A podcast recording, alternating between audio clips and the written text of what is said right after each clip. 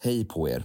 Innan vi börjar så vill vi bara tala om att det här avsnittet spelades in innan situationen i Ukraina hade eskalerat till där vi är nu. Och det är anledningen till att varför vi inte nämner någonting om det i avsnittet. Vi vill också säga att det är helt naturligt att känna oro och stress kring det som händer och eh, om du behöver tips på hur du kan hantera det så hittar du det på Minds sociala medier och på vår hemsida mind.se. Tack för att du lyssnar.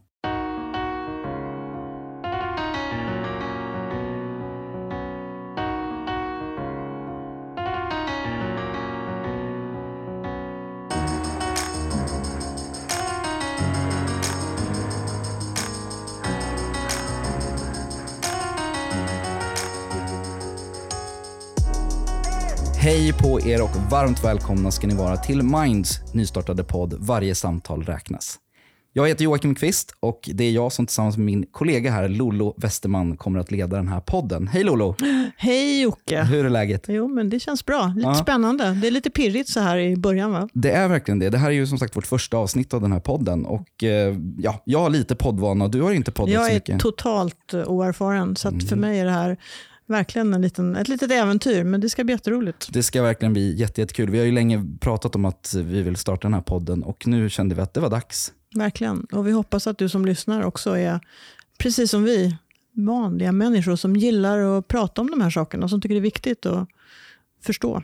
Ja men precis, kan inte du berätta lite grann då? Vi är som sagt Mind, alla kanske som lyssnar på det här kanske inte vet vad, vad Mind gör för någonting. Kan inte du berätta lite om Mind? Jo, snabbt. Mind är ju en organisation som jobbar för psykisk hälsa och psykiskt välbefinnande eh, för eh, ja, alla olika grupper i samhället egentligen. Och vi gör det via våra olika kanaler. Dels så har vi våra stödlinjer. Självmordslinjen är vår största. Sen har vi äldrelinjen och föräldralinjen. Och vi har också ett chattforum som heter Mindforum. Men sen har vi ju naturligtvis, vi bedriver påverkansarbete, vi sprider kunskap, vi pratar med forskare, vi är ute och håller seminarier, lyssnar på omvärlden. Ja, vi försöker ha örat mot gatan lite överallt faktiskt, när det gäller de här frågorna. Och nu även i poddformat. Nu även i poddformat. ja. Ja, nej men och sen tänker jag att vi kanske ska göra en liten presentation av oss också, eh, som, just, som leder den här podden då, och lite grann hur vi hamnade på Mind och varför vi är här och så. Ja. Eh, ska jag börja? Eller? ja, vad gör du här Ja, vad Jocke? gör jag här egentligen? Nej, men jag som sagt heter Joakim Kvist och jag eh, har väl min egen erfarenhet av psykisk ohälsa. är Att jag, jag har levt med det i större delen av mitt liv. Eh, kom in på banan att börja prata om det. Jag har, jobb, jag har en bakgrund inom influencerbranschen. Jag har hållit på mycket med så här, YouTube och Instagram och sånt där. Eh, där jag byggde upp en, en ganska stor publik och eh, valde att börja prata om det här för det här ämnet då för kanske sex, sex sju år sedan. Någonstans där. Och eh, märkte liksom att det fanns verkligen ett behov av för folk att liksom ha någonstans att det var inte så vanligt att man pratade om det på den tiden. Och eh, i och med det då så har jag kommit i kontakt med Mind. Då. Vi, har gjort, vi har gjort en del samarbete med Mind och deltagit i lite olika grejer som, som Mind har gjort. Och, Ja, du har ju varit viktig för oss i olika sammanhang. Ja, men så här, och sen så blev det att när, när jag bestämde mig för att jag ville ha ett riktigt jobb igen, jag på säga, så, så öppnade det upp sig möjlighet att få komma hit till Mind. Så jag är här nu och jobbar, ja, men det är inom kommunikation, då, men främst sociala medier har jag hand om. Och eh, det är verkligen så här, för mig känns det ju liksom Alltså det är fantastiskt för mig att få kombinera liksom det som jag ändå kan. Jag kan det här med sociala medier och strategier för hur man når ut och kommunicerar på sociala medier. Och få kombinera det med min hjärtefråga känns ju verkligen fantastiskt att få, att få göra det. Men du, jag har ju varit, jobbat här i några månader. bara. Du, är ändå, du är en av veteranerna. Ja, men jag är lite veteran. Jag har ju Mm. varit här i fyra och ett halvt år. ja, snart. Och har varit med om en stor tillväxt faktiskt. När Mm. Vi har ökat i volym ganska mycket. Eh, vilket också säger någonting om hur det står till med den psykiska hälsan i samhället generellt. Eh, men jag, min bakgrund är ju egentligen att jag har eh, erfarenhet av självmord eh, inom familjen. Mm. Eh, faktiskt dubbla. Och det gjorde att jag eh, ja, men känner att jag brinner lite extra för de här frågorna. Eller jag tyckte det var viktigt att hitta en plats. Jag har ju tidigare jobbat inom tv och um, manusskrivning och sådär. Men eh, när jag hade smält mina erfarenheter så tyckte jag att det var viktigt att hitta en plats där jag verkligen kunde ja, men få någon slags nytta av de här händelserna. Mm. Eh, Det är ju inga händelser som man önskar någon, men om man nu har varit med om det så är det ju ändå bra om man kan använda dem till någonting. Och det kände jag att här kan jag ju faktiskt göra det. Jag Mm. känner att vi kommunicerar ju väldigt mycket kring eh, just suicid och eftersom självmordslinjen också är vår största linje och vi säger ju självmord, vi säger ju hellre det än suicid för det blir så tekniskt på något sätt. Eh, Men när jag nu ändå har den här erfarenheten så känner jag att jag har ganska bra koll på hur man uttrycker sig och vad man vill höra när man är drabbad. Man, man, eh, ja, det är inte så lätt för omvärlden heller alla gånger att veta hur man ska tilltala någon som har råkat ut för det här. Att det finns någon slags beröringsskräck med själva ämnet. Ja, men precis. Och då känner jag att det är bra att jag är här och vet. Så där kan vi säga, så där tycker jag inte vi ska säga. Mm. Så det finns någon slags, ja, in, jag har en inre känsla för vad som fungerar. Tanken med den här podden är ju lite grann att den ska följa, för vi har ju tänkt under det här året som kommer nu så kommer vi ha lite så här temamånader där vi lyfter lite olika teman inom just psykisk hälsa och psykisk ohälsa. Och nu i mars så är det ju första temat ut är ju kvinnors psykiska hälsa som vi ska prata om. Precis. Och eh, varför, ja, varför är det så viktigt att vi pratar om det, Lolo? Men det är ju det här att vi ser ju, dels undersökningar visar och sen har vi gjort egna undersökningar också, hur, eh, hur det är ställt med den psykiska hälsan hos kvinnor just. Och att det är faktiskt så att ja, men när man tittar på sjukskrivningar som beror på psykisk ohälsa så är det eh, två tredjedelar representeras av kvinnor, både när det gäller sjukskrivningar och också långtidssjukskrivningar. Mm. Och det är ju i sig talar i sitt tydliga språk. Ja, men sen är det ju så att kvinnor gör fler eh, självmordsförsök än vad män gör. Eh, jag tror att siffran är typ 60-40. Mm. Eh, Medan män i större utsträckning genomför Ja, försöken. Så det blir faktiska självmord. Precis. Mm, och det är också ett skäl till att, att det är viktigt att titta extra på det här med kvinnor och kvinnors psykiska hälsa. Och sen inte minst unga tjejer. Det det. vet vi också att det är, hur det är ställt med unga tjejer idag. Ja, och att det liksom kryper längre och längre ner i åldrarna på något sätt. Alltså, eller i åldern, liksom just på hur... Att, ja, men att unga tjejer mår sämre. sämre liksom. Ja. det, ju, Och det finns väl många olika skäl till det. Precis. Och Det är lite det här som vi har tänkt att vi ska prata om med dagens gäster. För att Tanken är ju då att vi ska ha gäster också i de här poddavsnitten. Så det är inte bara mig och Lollo som ni kommer få lyssna Nej, på. Som tur är. Som tur är. Och först ut så har vi ju faktiskt några riktiga veteraner när det kommer till det här. Det är ju då två stycken personer som även är våra ambassadörer, eller Minds ambassadörer. Det är Ida och Sofie från Ångestpodden som kommer att gästa oss här idag. Och Det känns ju himla roligt och lite nervöst att de här poddproffsen ska komma hit. Och Verkligen, men vi har ju förvarnat dem. vi har förvarnat Ja. dem och sagt att ni får vara snälla mot oss här nu. Och Exakt. Ja, vi, vi håller fortfarande på. Vi är rokisar och ni eh, är proffs. Precis, men de är så himla härliga så jag tror att det kommer gå superbra.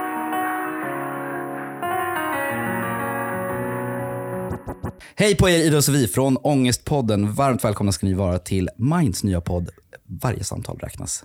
Hej och tack! Så himla roligt att ni ville vara med och gästa här i premiäravsnittet av den här podden. Det var en självklarhet. Det var det. Ja. Ja. Nej men vad fint. Jag tänker så här, jag tror säkert att många som lyssnar på det här vet vilka ni är redan. Men kan inte ni bara lite snabbt berätta för de som inte vet. Vilka ni är, era erfarenheter av psykisk ohälsa och just Ångestpodden. Hur startade det? Ni har ju hållit på väldigt länge. Ja. ja, men jag heter Ida. Och jag heter Sofie och vi har gjort Ångestpodden sedan 2015. Så det är ju då ja, över sju år nu. Herregud, det är Ja. så länge. Ja, och, och vi startade Ångestpodden, alltså verkligen sprunget ur egna erfarenheter av psykisk ohälsa. Eh, jag fick idén på en tågresa hösten 2014. Och ni vet då, alltså poddar då i Sverige var ju ja, men väldigt nytt. Mm. Det var liksom, ja men det fanns, eh, Filip och Fredrik hade poddat ett tag, Alex och Sigge, Hanna och Amanda. Och jag tyckte liksom att det här mediet var jättekult. Och Sofie, du hade introducerat mig också för Hanna och Amandas podd vet jag. Eh, och under den här perioden så går jag i terapi för första gången för panikångest. Eh, och känner mig Alltså jag, vet inte, jag har tänkt på det ofta, bara vad var det jag kände mer än en enorm ensamhet, någon slags typ frustration över att så här, men jag är ju inte konstig. För då, där och då var jag 21 år och tänkte att så här, går man i terapi då är man så sjuk. Alltså verkligen den här typiska fördomen. Eh, men, men min psykolog hade ändå fått mig på något sätt att förstå att nej, du är liksom inte konstig. Eh, och genom det så får jag idén till Ångestpodden. Så jag smsar Sofie. Alltså vid det här laget har vi redan varit bästisar i typ tio år. Och så skriver jag bara Ångestpodden, är du på? Och så var Nej. jag det. Åh, gud. Det låter också älskar. som en sån efterhandskonstruktion, men det var faktiskt så det var. Ja. Det finns sms-bevis på att det var Jag så. älskar, såna, jag älskar den där typen av så, stories när det verkligen är sådär bara... Det är klart Ja, att- att det blev så. Men jag tänkte också, alltså, som du frågade Jocke, alltså vår relation till psykisk ohälsa. För det känns så viktigt, speciellt när vi är liksom i er podd, för vi älskar ju Mind. Det ska verkligen sägas. Ja. Mm, härligt. Stolta ambassadörer. Ja, ni är ju precis. Det är, Ni är ju ambassadörer och vi, vi är så glada och stolta över att ni vill vara Minda Också en självklarhet. Ja, nej, men, nej, men verkligen. För, för jag tror att liksom, det var ju det jag sökte när vi startade Ångestpodden. Alltså jag ville höra någon annan som sa, men jag har panikångest. Och när jag har blivit äldre nu och fått diagnosen GAD, generaliserat ångestsyndrom, har jag också så här, bara, jag vill höra andra som har GAD. Eh, och 2016 så förlorade jag min faster i suicid. Och det också har ju blivit, ja men det här sökandet efter att känna igen sig. Det. Eh, och som jag tror också är en drivkraft i Ångestpodden. Mm.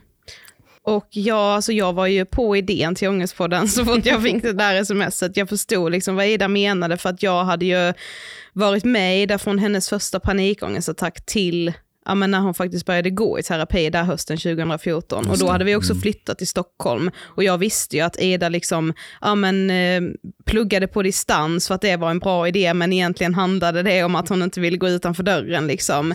Eh, och att det var problem att gå och handla och att eh, ja, men min bästa kompis som annars alltid hade varit väldigt glad och inte alls känns speciellt orolig och nervös av sig helt plötsligt blev, inte en hel, helt annan människa, men jag såg ju sidor och sidor som jag visste att hon led av.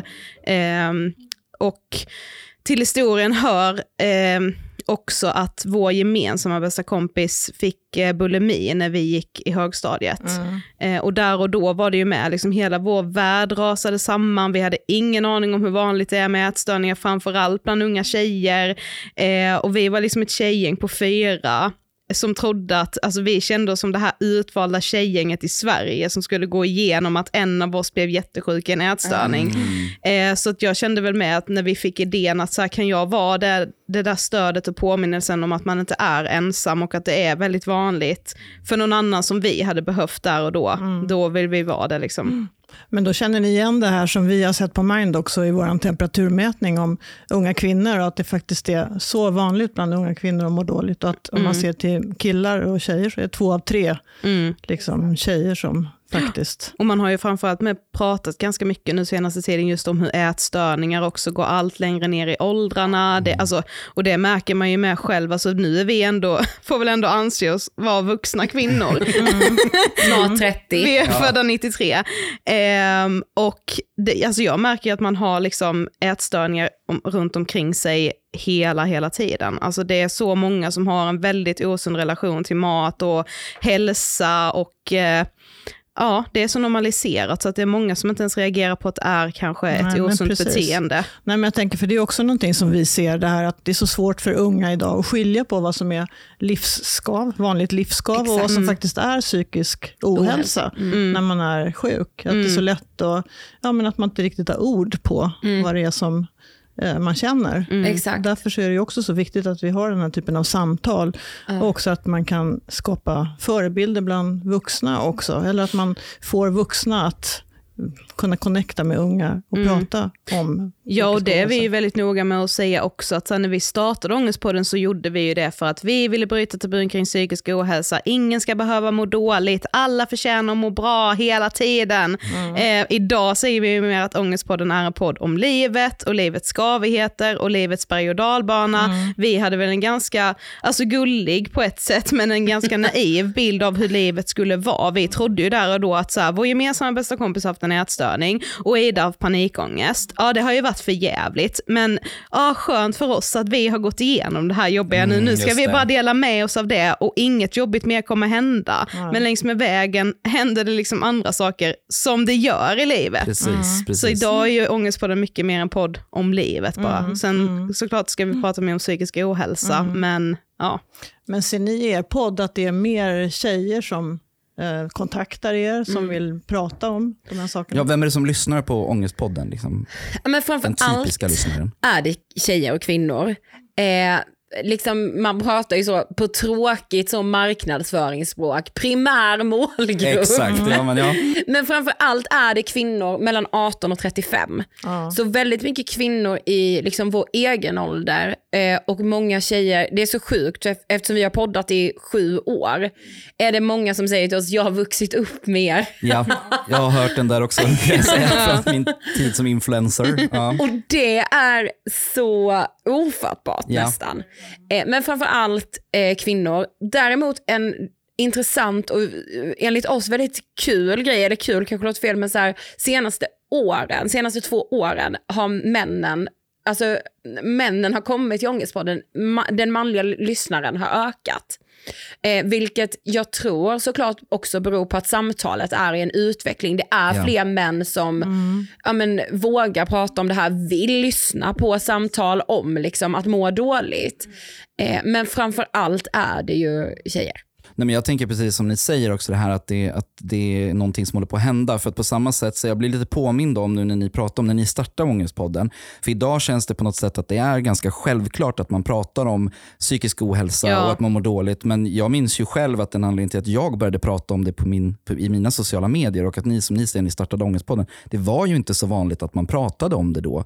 Och nu har det liksom på något sätt blivit så här att ett stigmat finns kanske inte där på samma sätt i alla fall. Inte, framförallt inte bland unga.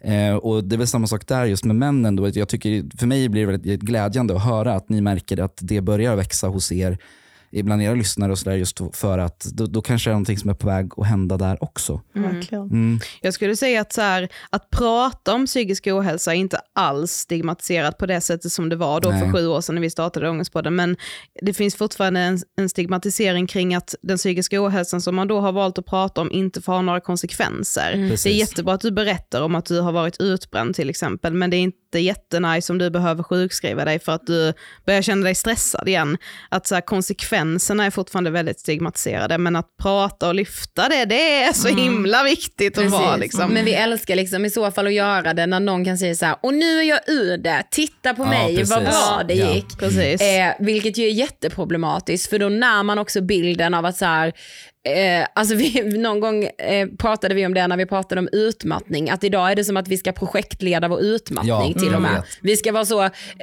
exemplariskt och duktiga utmattade människor som gör alla rätt för att komma tillbaka Ja. till liksom, vilket är så skevt. Då har vi ju pratat fel nästan. Och just det där med utmattning, det är också intressant, för där ser man ju också varför det är kvinnor. Kvinnor Ja. drabbas oftare, både av sjukskrivningar och långtidssjukskrivningar på grund av utmattning. Precis, vi, det har vi också sett att vi har fått också senaste åren eh, unga tjejer som fortfarande går alltså i grundskola, högstadie eller gym, gym, gymnasiet.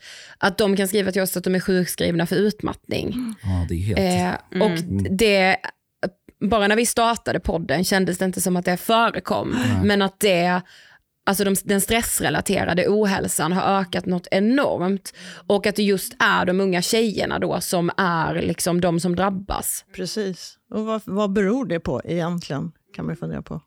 Ja, alltså vi har inga tydliga svar på det, men vi har ändå diskuterat det. Eh, och liksom en av anledningarna tror väl vi är att det finns så många olika arenor idag där du ska liksom prestera 110%. Det är inte så här, ja men förr kanske det var så, okej men nu väljer jag karriären och då får familjen komma lite åt sidan, eller så här, nu hinner inte jag bilda familj också. Eh, eller så här, nu ska jag verkligen komma in på den här linjen, då pluggar jag jättemycket, då hinner jag kanske inte hänga jättemycket med mina kompisar. Men idag måste du hinna med allt. Du ska liksom bli bjuden på rätt fester, vara stor i sociala medier, grejer och hinna plugga hur mycket som helst så att du får högsta betyg i alla ämnen och kan liksom göra karriär och bilda familj. Du ska liksom göra allt samtidigt. Mm. Det är som att vi, har liksom, vi tror för mycket om oss själva på något sätt. Men det var är också- några supermänniskor. En tjej som, som berättade för oss att det är också vi, viktigt vilka man följer. Hon gick gymnasiet. Vilka man följer i sociala medier. Mm. För att så här, men gud jag kan ju inte missa om, de, om den största, om Kim Kardashian har lagt upp eh, sin senaste sminkpalett. Det kan inte jag missa. så du Nej, måste okej. följa Kim Ja, Kardashian. Det. För det är alla andra. Och så säger man tips för att tycka om mer om dig själv. Ja, Men avfölj dem som du får ångest av. Jo men hur ska jag göra det när i skolan så kan jag ju inte ens hänga med i samtalen. Nej men exakt, precis. Eh, och, och, och det ska ju också sägas att vi har ju så enormt mycket kontakt med våra lyssnare och då är det framförallt de unga tjejerna som vill liksom, ja men ofta vill de bara berätta vad de själva går igenom eller vad en kompis går igenom. Eller... Det var, ja, men det var faktiskt en fråga som jag Ah. hade tänkt ställa just det. Alltså, så här, det. Vilka är det då? Det är ju de unga tjejerna då som kontaktar er. Och, vad, och det, vad är vanligast då? Vad är det vanligaste som, som är hos dem då? Liksom? Så att de kontaktar, typ. Om ni, om ni kan liksom, på något sätt. Ja, generalisera Ja, lite. precis. Ja, Liksom. precis. Alltså, Ehm. jag skulle ändå säga att alltså, generellt är det den här stressen Mm. över att man känner att livet inte går ihop. Mm. Det är ju inte som att det är jättemånga tjejer som hör av sig till oss som har en bipolär sjukdom eller som har schizofreni. De liksom, psykiatriska sjukdomarna som man ser inte har ökat om man tittar liksom 20 år tillbaka, 10 år tillbaka. Men den här stressrelaterade ohälsan i form av att hur ska jag hinna med allt, jag duger inte, jag känner mig inte bra nog, Eh, jag har ingen lust till att gå upp på morgonen längre, vad är min livslust, vad är livslust? Ja, ja, alltså precis. mycket så. Mm. Jag skulle också säga att eh, många som hör av sig gör det för att de inte vet vart de annars ska vända sig. Det var Mm. bara så senast igår var det en som skrev till oss att så här, ja, kan jag få prata mer om lite saker? Punkt, punkt, punkt. Och vi bara, ja absolut, bara så du vet, vi är inga utbildade psykologer, det är vi väldigt noga med att Mm. alltid poängtera. Liksom. Och hon bara, nähä, Eh, vet ni vart jag kan vända mig? Mm. Alltså för det är en okunskap kring vart man ens ska vända sig när man börjar känna att man mår men dåligt. precis. Men får jag ställa en fråga till er? Hur, hur ställer ni er till den där grejen att folk faktiskt hör av sig till er? Alltså, kan ni hantera det? Liksom, hur, hur möter ni det? För att om jag ska prata från egen erfarenhet så var det så här, i början när jag började prata om liksom just mm, hur jag mådde och hela den biten så, så blev det ju att jag fick sån otroligt massa meddelanden liksom, från folk som ville och Jag kände att så jag måste hjälpa alla, jag måste svara alla men det, bara det gjorde ju att jag höll på att liksom klappa ihop för jag orkar inte bära. Hur, hur hanterar ni det? Liksom? Jag vet inte om jag hade klarat det lika bra om vi inte var två. Exakt. Det är nog en jättestor liksom, räddning. Vi svarar ju alla som hör av sig Ja, till ni oss. gör det. Ja, det gör Mm. vi. Men det är ju ändå så här, det kan ta lite tid ibland, bara så att ni vet, ni kommer få svar, men ibland kan det dröja. Eh, och jag skulle ändå säga att de flesta behöver ju bara skriva, liksom så här, hej får jag skriva av mig lite? Ja, det får du. De får skriva av sig, vi ger feedback på det och sen är det typ så, de likar det meddelandet eller bara tack för att ni svarade ens. Så det är liksom inte, det är inte många gånger det blir så att samtalet bara fortsätter och fortsätter och fortsätter. Nej men precis, och det är, lite, det är ju så vi pratar om det här medmänskliga samtalet. Det som vi gör i våra Exakt. stödlinjer på Mind också är just det att vi är inte där för att lösa någons problem, utan det är just det att finnas det någon som lyssnar. För det är ju oftast det folk behöver bara. Att få, det vet man ju med sig själv också, att bara få ventilera. Precis. Och det är ju inte, det är inte alltid heller, samtalen handlar ju inte alla gånger om akuta självmordsplaner Nej, nej, nej. Nej. eller självmordstankar, utan det är så här, ångest, ensamhet, depression. Eh, självmordstankar kommer nästan, ja, som vi ser på fjärde plats, Ja. i alla fall i de här senaste undersökningarna vi har gjort. Ja. Och det är också ganska intressant, Precis. att man behöver någonstans att att ventilera. Ja. Mm.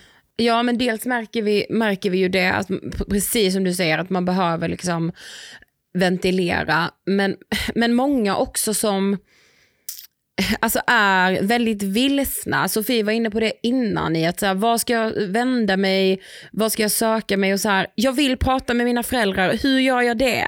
Mycket liksom en vilsenhet i, i att må dåligt. Och Det kan ju också handla om att man har inte orden. Man Nej. vet inte riktigt vad det är man mår dåligt av. Man har inga beskrivningar. Och då blir det så svårt att prata med någon också. Mm. Jag har lite tankar personligen om det här med, typ att, som jag var inne på innan, att man märker att så här, unga blir, är ju ganska bra på att prata om hur de mår och hela den biten. Och, det är ofta ger man ju rådet då till exempel så här, men gå till någon vuxen, gå och prata med någon vuxen. Jag kan känna lite grann att så här, ska vi lägga det ansvar, även det ansvaret på de unga? Ska, alltså, vi vuxna då, vi måste ju liksom möta dem i det här. Hur, vad kan man göra? Liksom, vad, ja, vad kan man göra åt det? Jag känner lite så här, det är Mm. nästan där vi måste börja jobba. Man, det känns som att det läggs så himla mycket ansvar på, på ungdomarna. Mm. Ehm, vad, vad har ni för tankar kring det? Jo, men jag kan hålla med om det. Alltså, framförallt så så jag kan nästan skämmas över att jag fortfarande blir så extremt förvånad av någon oklar anledning att unga människor idag är så sjukt bra verbalt, de är smarta, de är pålästa, de är liksom, ja, jag vet inte, de är så otroligt smarta. Bara senast igår pratade vi med eh, elever som var liksom, ja, men 13-14 år och jag satt och bara så här, det, jag hade inte det här verbala språket när jag var i er ålder, var kommer det ifrån? Alltså, Nej, ja. och de är så medvetna och då, alltså, de vill prata om sin psykiska hälsa och liksom, ja jag vet inte, det är nog föräldragenerationen och mor och farföräldragenerationen som vi behöver lära eh, att prata om det här. Liksom. Eller hur? Ja, men för det, jag håller med och jag tycker också det är intressant som du säger att så här, vi måste ju möta barn och unga i sina samtal. Speciellt eftersom att de har lättare, eller man generellt har lättare idag för att prata om det. De har vuxit upp och blivit så fullfjädrade proffs på att prata om sina känslor. Då är det ett svek om liksom vuxenvärlden inte kommer och säger så här, det är helt okej, prata om det här. Eh, och att också så här, jag har också känt precis som du. Eh, det tror jag är så enormt viktigt på alla, liksom, i alla delar av samhället där unga befinner sig. Alltså idag kan jag sakna samtalet till exempel i idrottsföreningarna om den psykiska liksom, Mm, hälsan. I skolan, eh, ämnet idrott och hälsa pratar vi alltid om. Både idrott och hälsa när vi gick i skolan för tio år sedan, det var inget om den psykiska hälsan. Nej. Nej, det var liksom kostcirkeln. Ja, exakt. Ja, men vi gjorde ju faktiskt en debattartikel häromdagen Mm. Ja. eh, där vi också krävde eh, eller önskade att politiker och skolverk och så vidare skulle föra in det här som ett ämne på Mm. schemat faktiskt. Jag tycker också att det har liksom, absolut inte alla, men det har ju förts en liten diskussion kring att så här, vi har pratat för mycket om psykisk ohälsa, nu helt plötsligt mår alla unga psykiskt dåligt och liksom, ja men unga människor känner efter så himla mycket. Och på något sätt är det så här, är det vuxenvärldens sätt att hantera att barn faktiskt är duktiga och vill prata om sina känslor. precis. alltså, för ibland kan det kännas som att vissa då vuxna som är så, men vi har pratat för mycket om psykisk ohälsa och ja, men helt plötsligt tror alla barn att allt är psykisk ohälsa. Nej, det Nej. tror de inte alls. Nej. Exakt. Det, var, vem, varför tillskriver ni från exakt. vuxenvärlden unga att tro, de tror inte alls att de är deprimerade bara för att de har börjat må lite dåligt. De säger däremot att de har börjat må lite dåligt så att de ska slippa hamna i en depression. Precis. precis. Det är liksom, ja det är ganska dåligt hanterat av vuxenvärlden Ja, skulle jag ja. säga.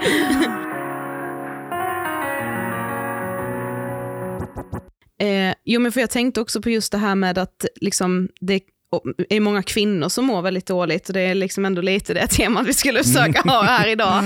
Eh, och det läggs ju också, jag menar inte att liksom machokulturen förstår jag är otroligt jobbig och påfrestande och gör att många män bär på mycket känslor och till slut så ser de då ingen annan utväg. Liksom.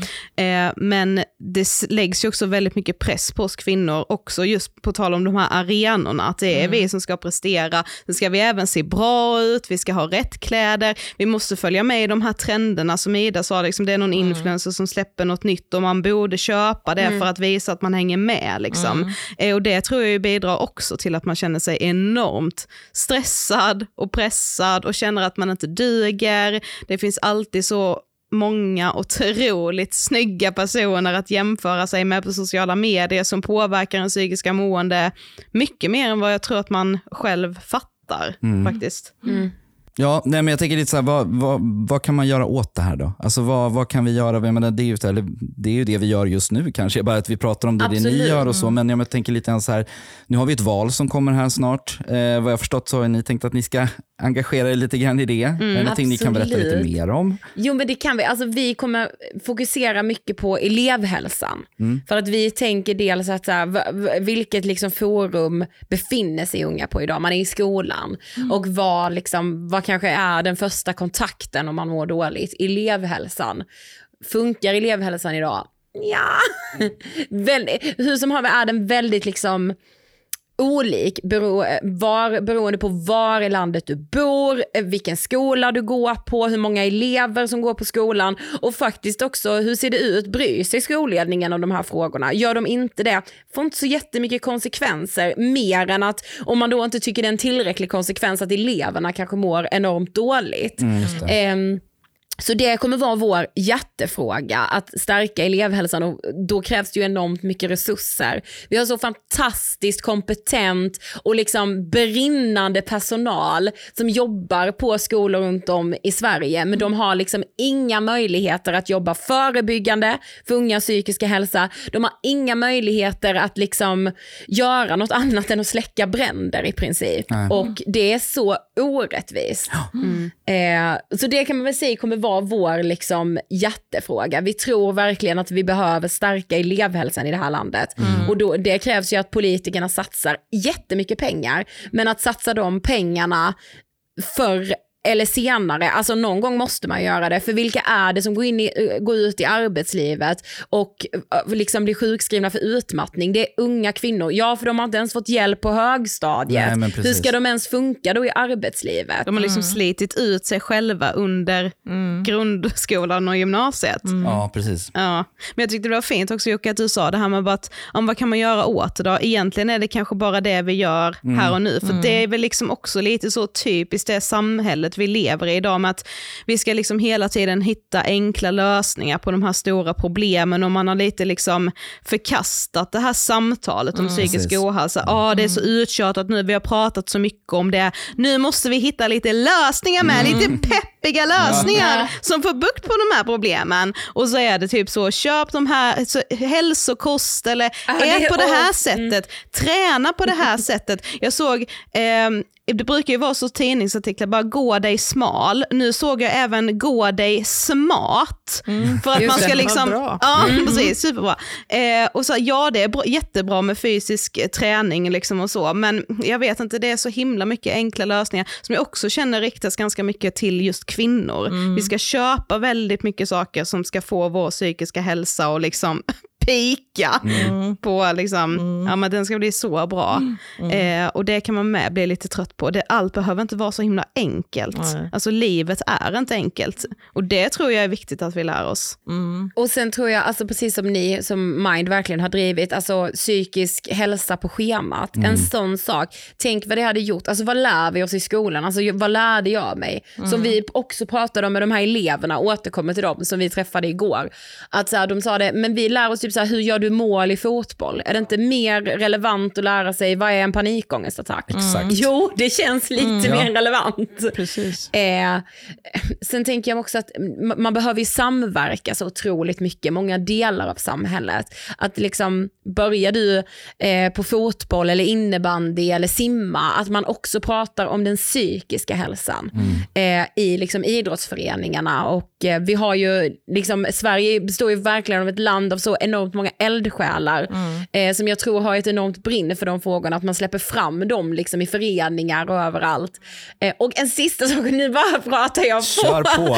men som jag och Sofie har sett och där det är sån enorm skillnad, som du var inne på Sofie, att liksom, ibland är det som att medierna får äga frågan om psykisk ohälsa. Att så här, ja, de tyckte det var intressant att skriva om det i några år och nu börjar de dis diskutera huruvida har vi pratat för mycket. Mm, mm. Åk ut till valfri liksom, mindre stad än Stockholm, Göteborg och Malmö. Det finns ingen som pratar om det. Det är ingen som frågar vid frukostbordet eller i matsalskön hur du mår på riktigt. Nej. Det är liksom så här Stockholmsmedierna eller storstadsbaserade medierna som får äga den frågan. Det är inte rättvist. Man måste också titta liksom på landsbygd och Precis. se hur, hur ser det ut. Liksom. Jo, men också just det här att man faktiskt kan ha riktiga samtal, viktiga ja. samtal, inte bara det här kallpratet. Mm. Nej, det är också någonting som vi försöker värna om och, och inspirera till, att man mm. har riktiga samtal som faktiskt mm. betyder någonting, att man lyssnar också på riktigt. Mm. Ja, jag tänker också att man inte alltid måste veta vart ett samtal ska leda. Alltså det har vi ju med, märkt när vi, alltså vi har gjort snart 400 avsnitt med Ångestpodden mm. och det är liksom, vi har ju inte alltid alla orden när vi trycker på räck när vi börjar spela in. ett samtal, utan det bara landar någonstans. Man behöver liksom inte alltid ha tänkt klart alla tankar. Och det, för jag menar, det är då man också lär sig någonting Exakt. längs med vägen. Eh, och sen kan det vara jätteläskigt att börja prata om någonting som man har tyckt har varit väldigt jobbigt, eller som man kanske aldrig har pratat om tidigare, men att våga göra det, fast kanske i, i baby steps, kan ju också göra stor skillnad för en själv och för alla som lyssnar också. För att då kanske någon mer också vågar. Så det är ju, jag menar det här samtalet om psykisk ohälsa som vi har pratat för mycket om, det känns som att de som påstår det också tycker att det är så, eller de, de ser på samtalet som att det enda man gör är att sitta och säga att vi måste prata mer om psykisk ohälsa, vi måste prata mer om psykisk ohälsa. Det är inte så samtalen låter. Har ni hört hur intressanta de här samtalen är och hur mycket man lär sig längs med vägen eh, om sig själv och andra? Ja, men verkligen så. Ja, alltså jag skulle ju kunna sitta här och prata med er hela dagen. Ja. eh, men eh, Ångestpodden finns ju såklart att lyssna på överallt eh, Ja. där poddar finns. Ja. Men man kan följa er på sociala medier också. Ja, Vart finns ni? Angestpodden heter vi där. Ja. yes, på Instagram. På alltså. Instagram. Och, mm. Tack snälla ni för att ni ville komma och gästa vår podd. Och vem vet, ni, vi, kanske, vi kanske kan ha fler samtal med er. Det hoppas ja. jag. Ja, Tack Tack så jättemycket. jätte- jättemycket. Jättekul att ni kom. Tack. Tack. Ja, de är ju himla härliga, Ida och Sofie. Vilka, man märker verkligen att de brinner för den här frågan. Och att de, de har mycket att säga. Verkligen. Nej, men jag tycker det blev ett kul samtal. Och det Mm. kändes som, även om vi spretade åt lite olika håll, så tycker jag ändå att vi fångade in det här som vi var ute efter ganska väl. Ja, men jag tycker också det. Och det är precis så här min vision av podden liksom var också när vi pratade om att vi ville- ville starta den här podden. Just att det skulle vara ett samtal, precis som att man sitter vid ett eh, lunch, vid lunchen och snackar. Typ. Exakt. Mm. Och sen var det kul att de var så brinn, brinniga. Ja, De brinner verkligen för sin sak. Och Jo, det men det är gör härligt. de. Och menar, och det, är, det är ju det som också gjort att de har blivit så framgångsrika som de har blivit inom, med sin podd. Liksom, att de har hållit på så himla länge. Nej, jag är verkligen jätte, jätteglad över att de, att de vill vara ambassadörer för Mind och att de ville vara med och gästa Verkligen. oss i det Det, här kändes första som rätt kvinnor på rätt plats. Eller hur? Jag tyckte också att det kändes så. Ja, men hur tycker du det känns nu Lolo, första avsnittet? Ja, det är lite, lite barnsjukdomar, lite pirrigt, men jag tror att det kommer att ge sig. Ja, det tror När jag har med. känt lite mer på formatet och varandra. Ja men precis och eh, vi hoppas ju verkligen att ni har gillat att lyssna på det här och vi vill ju jättegärna ha feedback från er och även input på vad vi skulle kunna prata om för ämnen. Vi kommer ju följa lite olika teman här. Men som sagt, det är ju inte helt skrivet i sten. Nästa avsnitt så kommer vi att ta upp, eh, prata lite mer om äldre vuxna. Exakt. frågor kring det. Så att, har ni några tankar kring det och vilken vinkel man skulle kunna ha på det så får ni jätte, jättegärna kontakta oss. Och Det kan ni göra då på, via, våran, ja, via mail, är väl egentligen enklast, på info.mind.se. Sen finns vi också på Instagram och på Facebook, eh, där vi heter Och Mind. sen ska vi väl också säga att om du som lyssnar vill ha kontakt med oss, någon av våra stödlinjer eller kanske vårt chattforum, så gå in på mind.se så finns alla kontaktnummer och vägar till oss där. Tack så jättemycket för att ni har lyssnat på det här poddavsnittet. Ta hand om er så hörs vi snart igen.